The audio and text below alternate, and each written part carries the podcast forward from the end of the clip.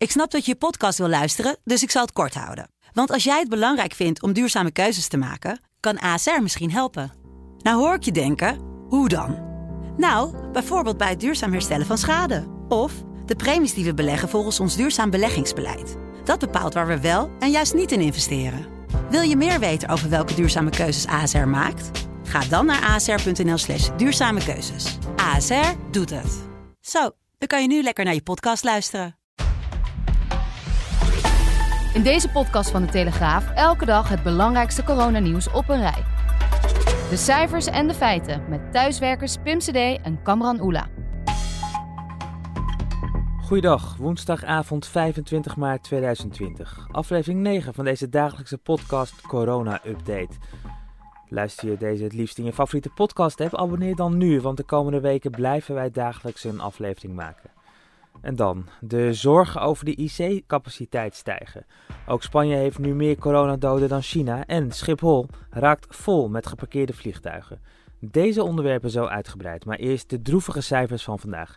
Telegraaf-collega Pim die neemt ze door. Er zijn in het afgelopen etmaal 80 mensen overleden aan het coronavirus en dat is het hoogste aantal in een dag tot nu toe. Het aantal dodelijke slachtoffers in totaal 356. Het RIVM meldt dat er 852 nieuwe besmettingen zijn geconstateerd. En daarmee komt het totaal aantal positief geteste mensen op 6412. De afgelopen 24 uur zijn 341 patiënten opgenomen in het ziekenhuis, waarvan 98 nieuwe gevallen op de intensive care. Het totaal aantal patiënten op de IC-afdelingen 644. Ja, en juist dat laatste cijfer vergroot de zorgen. Tijdens een technische briefing in de Tweede Kamer ging het daar ook over. De zorgen dus over de IC-capaciteit in ziekenhuizen en in uh, noodhospitaals. Parlementair verslaggever Alexander Bakker die volgde de briefing voor De Telegraaf en hoorde daar Jaap van Dissel van het RIVM over een afvlakking van het aantal ziekenhuisopnames. Maar tegelijkertijd is er alweer verwarring over die cijfers. Want woensdag presenteerde het RIVM in de dagcijfers weer een hoger aantal nieuwe ziekenhuisopnames dan een dag eerder. Ik heb daar nog even navraag aan gedaan bij het RIVM en zij leggen uit dat er iedere dag om twee uur weliswaar bericht wordt gedeeld over het aantal nieuwe ziekenhuisopnames, maar dat daar ook meldingen tussen zitten die soms al twee of drie dagen oud zijn. En dat heeft te maken dat een arts wel de plicht heeft om het te melden, maar door de drukte in de zorg er niet altijd aan toe komt om dat direct te doen. Vandaar dat de cijfers nog lang niet alles zeggen. En dat is belangrijk om te weten. Verder is het RIVM voorzichtig positief omdat het aantal besmettingen afneemt door de strengere maatregelen. Maar ook aanwezig bij de briefing was de voorzitter van de intensive care artsen, Diederik Gommers, en die houdt zijn hart vast voor de komende periode. Op de vraag wat Nederland moet doen, mochten er duizenden coronapatiënten naar de intensive care afdelingen moeten, antwoordde hij: Ik denk niet dat het Nederlandse zorgstelsel dat aan kan. Alles kraakt op dit moment. Het is gewoon ontzettend spannend. Dan blijven we nog even in Den Haag, want het kabinet heeft woensdag in het begin van de avond opnieuw crisisberaad gehad over de duur van de maatregelen. Na afloop zei premier Ritte dat er komende dinsdag een knoop wordt doorgehakt over alle maatregelen en dan in het bijzonder over hoe lang ze nog gaan duren. Want bijna alle maatregelen, zoals de sluiting van de horeca en het niet op bezoek gaan in verzorgingstehuizen, gelden tot en met 6 april. Of dat langer gaat duren en zo ja, hoe lang het dan nog gaat duren allemaal, dat moet dinsdag duidelijk worden. Ja, die cijfers over coronapatiënten die klinken soms uh, redelijk abstract. Maar hoe hard het virus een groep kan treffen blijkt wel in het uh, Zuid-Hollandse Sommelsdijk. Want daar is woonzorglocatie Nieuw-Rijsenburg hard getroffen. 13 personen zijn besmet geraakt, drie zijn overleden aan het coronavirus. Het vermoeden is dat bewoners besmet zijn geraakt bij een bijeenkomst in kerkelijke sfeer. Een man die voor de deur moet blijven en wat afgeeft voor zijn oma zegt tegen de Telegraaf... Heel gek hoe het virus in een paar weken van China zo dicht bij mijn oma is gekomen. In de vleugel waar zij woont zijn mensen overleden. Dat is wel heftig. Het is dus hopen dat er snel een effectief medicijn komt. Het RIVM heeft in elk geval het middel chloroquine ingekocht. Dat medicijn tegen malaria zou eventueel kunnen werken tegen het coronavirus. Het RIVM neemt nu het zekere voor het onzekere, want mocht het inderdaad effectief blijken te zijn, dan kunnen ziekenhuizen zeker worden bevoorraad. Dan nog wat positief nieuws. Het coronavirus lijkt zeer weinig te muteren, simpel gezegd te veranderen. En dat betekent dat één vaccin waarschijnlijk nodig is. In tegenstelling tot bij de muterende griep, waar dus steeds nieuwe vaccins nodig zijn. Dat zegt Pieter Thiele, moleculair geneticus aan de Amerikaanse John Hopkins Universiteit. Eén vaccin kan dus wellicht levenslang immuniteit bieden tegen corona, net als een vaccin bij de mazelen of de waterpokken. Terwijl zorgpersoneel overuren draait en velen zich aan de regels houden, dringt de boodschap nog altijd niet tot iedereen door. Zo bleek vandaag bijvoorbeeld op de Haagse Markt. Daarnaast zijn er ook die denken dat het geestig is om mensen in het gezicht te hoesten en corona, corona te roepen. Een van hen moest vandaag voor de rechter verschijnen. Rechtbankverslaggever Saskia Belleman, die was daarbij. Ja, het kwam er eigenlijk op neer dat hij zei uh, dat hij dak- en thuisloos was, dat hij nooit naar journaals keek, geen idee had hoe erg het allemaal was. En dat hij uh, gewoon een grapje wilde maken en dat hij het allemaal niet zo had gemeend. Nou, het Openbaar Ministerie, maar ook rechters tillen daar zwaar aan. Dat bleek ook vandaag weer. Normaal gesproken, als je mensen beledigt of als je uh, hoest in het gezicht van mensen of op een andere manier uh, bezig bent, ja, dan kun je misschien een taakstraf, een geldboete krijgen. Celstraffen worden eigenlijk niet zo vaak uitgedeeld, maar nu wel. Nu zeggen zowel het Openbaar Ministerie als rechters: uh, we willen een signaal afgeven aan de samenleving dat dit ernstig is, dat je niet moet spotten met een, uh, een zo besmettelijk virus waar mensen heel erg ziek van worden, waar ze ook aan overlijden. En dat dit geen grapjes zijn en dat je dit al helemaal niet moet doen in de richting van hulpverleners, zoals agenten, verpleegkundigen en zo, die juist vreselijk hun best doen om andere mensen te beschermen en die niet in staat zijn om die anderhalve meter afstand te houden. Er spelen deze en volgende week nog zeker tien van dit soort coronazaken door het hele land. Kennelijk zijn er meer mensen die vinden dat het grappig is om hier grapjes over te maken. En uh, ja, ik denk dat al die mensen hun borst kunnen nat maken en op gevangenisstraffen uh, moeten rekenen. Dan gaan we naar de Haagse Markt, want daar was het vanochtend druk, erg druk. En het leek lang niet altijd te lukken om anderhalve meter afstand te houden. Tot verbazing van ANP-fotograaf Robin Utrecht, die legde het op foto's vast. Er zouden wel handhavers rondlopen, maar die zouden niet optreden. Burgemeester Remkes van Den Haag die kwam toen zelf maar een kijkje nemen en besloot de markt vanmiddag te sluiten. Ja, dat is natuurlijk pijnlijk voor al die hardwerkende ondernemers die bijvoorbeeld met posters klanten wel probeerden duidelijk te maken om toch echt die afstand te houden. Maar mogelijk gaat de markt vrijdag wel open, maar dan beperkt bijvoorbeeld alleen voor voedselkramen. De overheid is nu maar met een campagne gestart. Alleen samen. Woensdagavond werd de 27 seconden durende video gepubliceerd. Alleen samen krijgen we het coronavirus onder controle.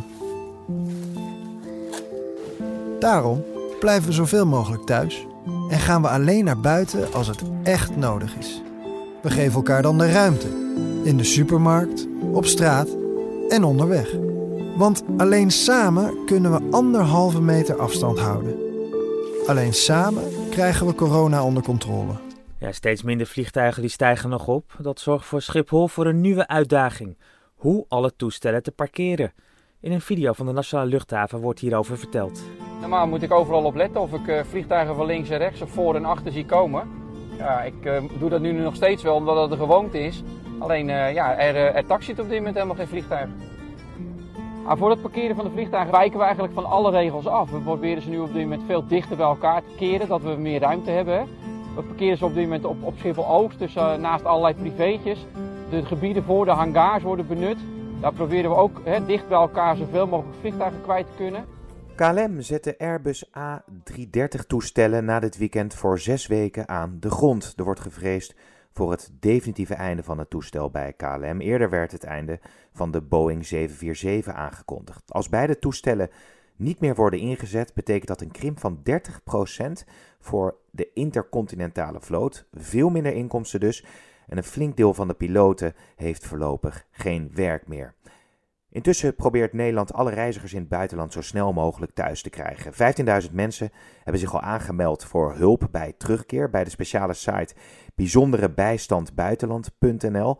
Op korte termijn zullen de Nederlanders terugkeren uit Bali en de Kaapverdische eilanden, is de verwachting.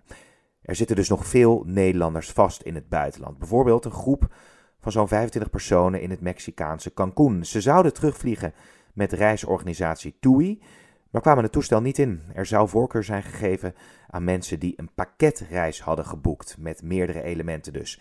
Ja, en dan onze collega Erik Nusselder. Hij was voor zijn huwelijksreis naar Nieuw-Zeeland en sprak daar eerder over in deze podcast. Maar dat land heeft de noodtoestand uitgeroepen en sluit zich een maand lang hermetisch af. Het ministerie van Buitenlandse Zaken benadrukt dat de situatie erg complex is en dat het nog wel weken kan duren voordat de Nederlanders weer thuis zijn. Eigenlijk onze hoop is dat er op een gegeven moment een, uh, een vliegtuig wordt gestuurd. Want we zijn uh, volgens mij lang niet de enige Nederlanders die hier uh, vastzitten.